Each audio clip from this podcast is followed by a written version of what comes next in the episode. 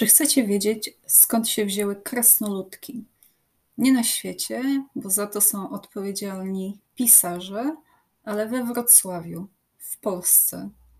Prawdziwe, najprawdziwsze z krwi i kości. Jeżeli interesuje Was historia najnowsza Polski, czasy komunizmu, sposób, w jaki w Polsce walczono z komunizmem, oprócz na pewno znanej Wam Solidarności, oprócz uczestniczenia w strajkach, to zapraszam na dzisiejszy podcast. Ja mam na imię Kasia, a to jest podcast dla tych, którzy uczą się języka polskiego z kontekstu. Czyli tak, oprócz komunistów i podziemia było coś jeszcze, o czym mało kto wie, czyli tak zwany trzeci obieg. Pierwszy obieg to byli komuniści, czyli polski rząd, cały ten system komunistyczny, system polityczny. Drugi obieg to było podziemie, czyli Solidarność, czyli ogólnopolski związek zawodowy, który w latach 80., w szczególności w drugiej połowie lat 80., nieco wyhamował ze swoją działalnością. Lata świetności, czyli tak zwany karnawał Solidarności. Solidarność miała już za sobą. W społeczeństwie można było zauważyć jakąś taką bierność i marazm, rozczarowanie się nie tylko polityką, ale także opozycją, tym, co Solidarność robiła. A karnawał Solidarności zaczął się w sierpniu 1980 roku i trwał aż do wprowadzenia stanu wojennego 13 grudnia 1981 roku tak zwane porozumienia sierpniowe zostały podpisane między rządem PRL, czyli Polskiej Rzeczpospolitej Ludowej, a komitetami strajkowymi. Te komitety wywalczyły większe swobody obywatelskie i ograniczenie cenzury w Polsce. I przez te 15-16 miesięcy, czyli od sierpnia 1980 roku, od podpisania porozumień, aż do 13 grudnia 1981 roku, czyli do wprowadzenia stanu wojennego, można było zauważyć różnice w nastrojach społeczeństwa co zaczęło po pewnym czasie niepokoić władzę, która nie chciała tej władzy stracić. I żeby powstrzymać zagrożenie i rosnące poparcie dla Solidarności wśród zwykłych ludzi, wprowadzono stan wojenny. Jest też druga wersja tego, dlaczego wprowadzono stan wojenny. Druga wersja mówi, że wprowadzenie stanu wojennego uratowało Polskę przed sowiecką interwencją. Choć chodziło tak naprawdę o faktyczne steroryzowanie społeczeństwa i o zniszczenie Solidarności, o przekreślenie porozumień sierpniowych i utrzymanie władzy przez komunistów. Zaczęło się od zatrzymań opozycjonistów przez ZOMO, Odłączono telefony, nawet w ambasadach i konsulatach. Wojsko obsadziło radio i telewizję, żeby żadne informacje nie wydostały się poza te zaplanowane przez polski rząd. Na ulicach pojawiły się czołgi i wozy pancerne, zamknięto szkoły do odwołania. Może niektórym się to podobało na początku. Wprowadzono też zakaz zgromadzeń publicznych, zakaz imprez sportowych i artystycznych. Można było tylko uczestniczyć w nabożeństwach. Także ludzie nie mogli się ze sobą komunikować. Telefony zostały odcięte, a prywatna korespondencja została objęta cenzurą jawną. Do tego przestano wydawać prasę. Pamiętajmy, że w tamtych czasach nie było internetu, nie było telefonów komórkowych, więc ludzie byli pozostawieni samym sobie. Nie wiedzieli tak naprawdę, co się dzieje w państwie. Mieli tylko i wyłącznie rządowe informacje, czyli też niezbyt wiele. Teraz przeniesiemy się do roku 1987, kiedy szarość, bierność i rozczarowanie polityką spowodowało, że oprócz komunistów i Solidarności w Polsce pojawiła się pomarańczowa alternatywa. Omówiliśmy pokrótce komunistów, Solidarność, to co komuniści zrobili w 1981 roku, żeby zatrzymać karnawał Solidarności i ukrócić swobody obywatelskie. Teraz porozmawiamy w końcu o krasnoludkach, o pomarańczowej alternatywie, czyli o grupie młodych ludzi organizujących happeningi na początku we Wrocławiu, potem także w Warszawie i w Łodzi, którzy wybrali drogę absurdu, czyli zaczęli komentować rzeczywistość w sposób humorystyczny. Ta grupa też nie używała przemocy. Na pewno nie we Wrocławiu, w Warszawie i w Łodzi, w innych miastach to się zdarzało. Na przykład w Gdańsku, gdzie ludzie pamiętali jeszcze krwawe zajścia, krwawe starcia z milicją. Pomarańczowa alternatywa zmieniała też nieco nazwę w innych miastach. Na przykład była białą alternatywą albo różową alternatywą, ale tutaj skupimy się na Wrocławiu, czyli mateczniku pomarańczowej alternatywy i opowiem Wam teraz o filarach pomarańczowej alternatywy. Pomarańczowa alternatywa została stworzona przez Waldemara Fydrycha Majora. Major to przydomek, ksywka. Stworzył on pomarańczową alternatywę jeszcze będąc na studiach. Studiował historię, potem historię sztuki, co jest dość ważne dla tego, jak pomarańczowa alternatywa się rozwijała. Podczas stanu wojennego Major stworzył teorię surrealizmu socjalistycznego. Sam stan wojenny był dla niego zjawiskiem absurdalnym, które wystarczyło tylko skomentować. Więc zaczął od malowania krasnali na murach.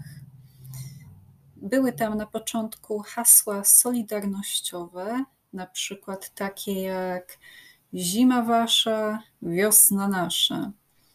Te hasła były zamalowywane przez władzę białą farbą, więc major wymyślił hasło. Napis to teza, plama to antyteza, a krasnoludek to synteza. Czyli patrzył na tezę i antytezę, napis solidarnościowy i plamę jako na pewną całość i pokazywał ich absurdalność, rysując bądź malując na murze coś równie absurdalnego, czyli krasnoludka. I w ten sposób pokazywał absurdalność solidarności walczącej farbą z systemem komunistycznym, systemem zbrodniczym, ale również pokazywał też absurdalność komunistów, którzy walczyli bądź zwalczali solidarność takimi samymi gówniarskimi sposobami, czyli zamalowywali napisy.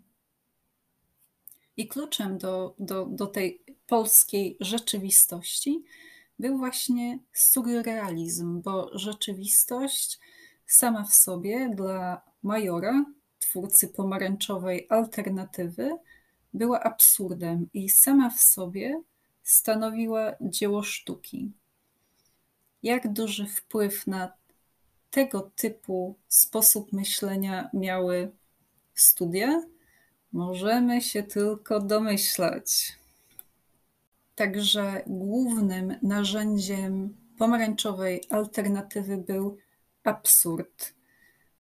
I dzięki absurdowi można było pokazać surrealizm życia w socjalistycznym państwie.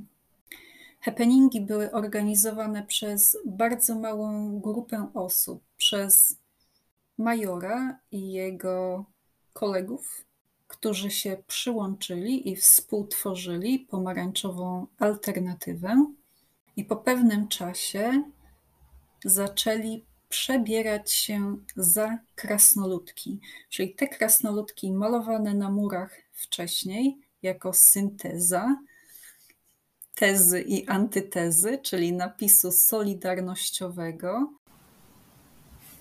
i białej plamy zeszły z murów. Ale co to znaczy, że pomarańczowa alternatywa przebierała się za krasnoludki? I czy w Polsce w tamtych czasach były sklepy z przebraniami, z takimi przebraniami, jakie teraz można spotkać na przykład na ulicach Wielkiej Brytanii? No nie. Osoby współtworzące pomarańczową alternatywę musiały szyć sobie stroje na własną rękę. Także na każdy happening, każdy happening był inny, więc stroje były nieco inne. Niemniej zawsze stałym elementem były pomarańczowe czapeczki krasnoludków. Też były szyte własnoręcznie i rozdawane podczas happeningów. Tak więc postronni ludzie przyłączali się i współtworzyli happening razem z majorem i jego grupą. A kto się przyłączał? Zapytacie. Najczęściej byli to młodzi ludzie, którzy nie chcieli uczestniczyć w systemie. Pomarańczową alternatywę charakteryzowała antysystemowość a młodzi ludzie, jak już wspomniałam wcześniej, mieli dosyć szarości, bierności, milczenia, pewnego rodzaju dystansu, byli rozczarowani polityką i rozczarowani działaniami opozycji. Chcieli muzyki, rozrywki, zabawy ale często też do happeningów przyłączała się zupełnie nieświadoma tego, że bierze udział w happeningu polska milicja, której zadaniem było rozpędzenie i zakończenie zbiegowiska.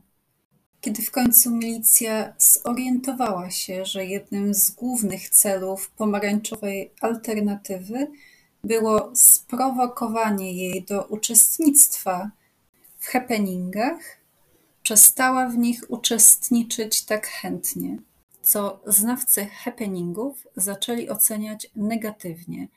Nieświadome uczestnictwo milicji było kluczowe dla pomarańczowej alternatywy, dla ukazania absurdu, a dla milicji było to oczywiście ośmieszające bo na szali stał tutaj prestiż, jeżeli takowy istniał, milicji, ale na pewno na szali była tutaj powaga instytucji milicji jako instytucji państwowej. Bo wyobraźmy sobie sytuację, kiedy demonstranci podchodzą do milicji i mówią, że są wrogami socjalizmu i że trzeba ich zamknąć.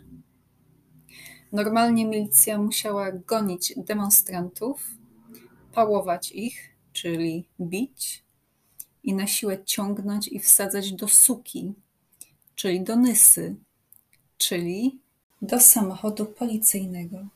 W przypadku, kiedy demonstranci podchodzili grzecznie do nich, milicjanci nie wiedzieli, jak reagować. Nie wiedzieli, czy to jest żart, czy to jest prowokacja, czy to jest próba ośmieszenia ich. Widzieli po prostu przed sobą grupę młodych osób przebranych za krasnoludki, które prosiły o to, żeby je zamknąć w więzieniu. Jedną z akcji pomarańczowej alternatywy było rozdawanie kwiatów milicjantom przez młode dziewczyny. Milicjanci, jako jednostki dość inteligentne, wiedzieli, że nie są ani lubiani, ani poważani w społeczeństwie. Natomiast wiedzieli, że muszą coś z tym fantem zrobić. Więc akcja zakończyła się aresztowaniami. Czyli patrząc na sprawę z boku, mamy tutaj sytuację zupełnie absurdalną. Młode dziewczyny zostały aresztowane za rozdawanie kwiatów. Powiedzcie, w jakim jeszcze państwie coś takiego mogłoby się zdarzyć? Kolejna akcja to rozdawanie papieru toaletowego i podpasek higienicznych. Obie te akcje nawiązywały oczywiście do braków na polskim rynku. Pod koniec lat 80. był problem z dostaniem praktycznie wszystkiego, również z dostaniem papieru toaletowego. To był mniej więcej taki sam problem jak na początku 2020 roku, kiedy zaczęła się pandemia, tylko że ten problem istniał w Polsce dużo dłużej. W Polsce papier był oczywiście w rolkach i te rolki były nanizane na sznurek i sprzedawane w formie wianuszka, który zakładano sobie często na szyję jak łańcuszek i paradowano dumnie po mieście, pokazując innym, że oto udało się zdobyć papier toaletowy. Po tej akcji, która zakończyła się oczywiście aresztowaniami, Radio Wolna Europa między innymi głosiła, że w Polsce aresztuje się ludzi za rozdawanie podpasek i papieru toaletowego.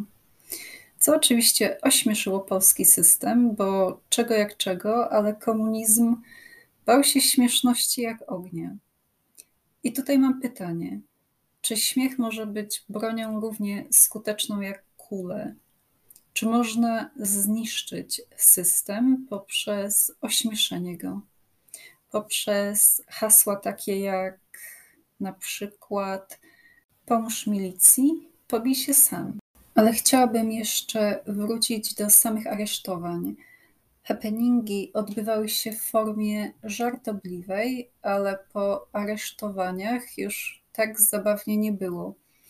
Ludzie byli wsadzani do ciupy, czyli do więzienia, za to, że byli przebrani za krasnoludki, za środkę Marysię lub misia uszatka.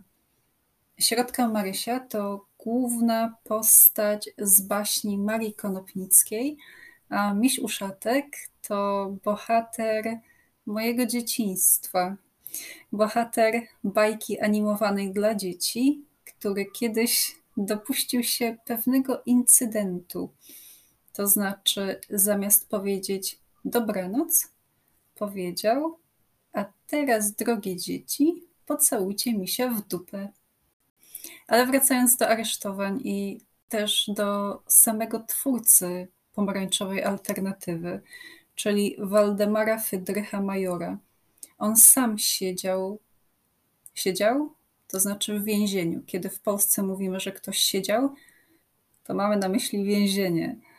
Także on siedział przez kilka miesięcy za działalność artystyczną, co dzisiaj oczywiście brzmi absurdalnie, ale niestety ten absurd w latach 80. był częścią polskiej rzeczywistości. W jednym z filmów o pomarańczowej alternatywie, które znajdziecie na YouTubie i które Wam gorąco polecam, pomarańczowi rewolucjoniści na przykład można obejrzeć. W tym filmie pada zdanie na koniec, które chciałabym tutaj przytoczyć – a mianowicie milicja, która goni krasnoludki, jest śmieszne.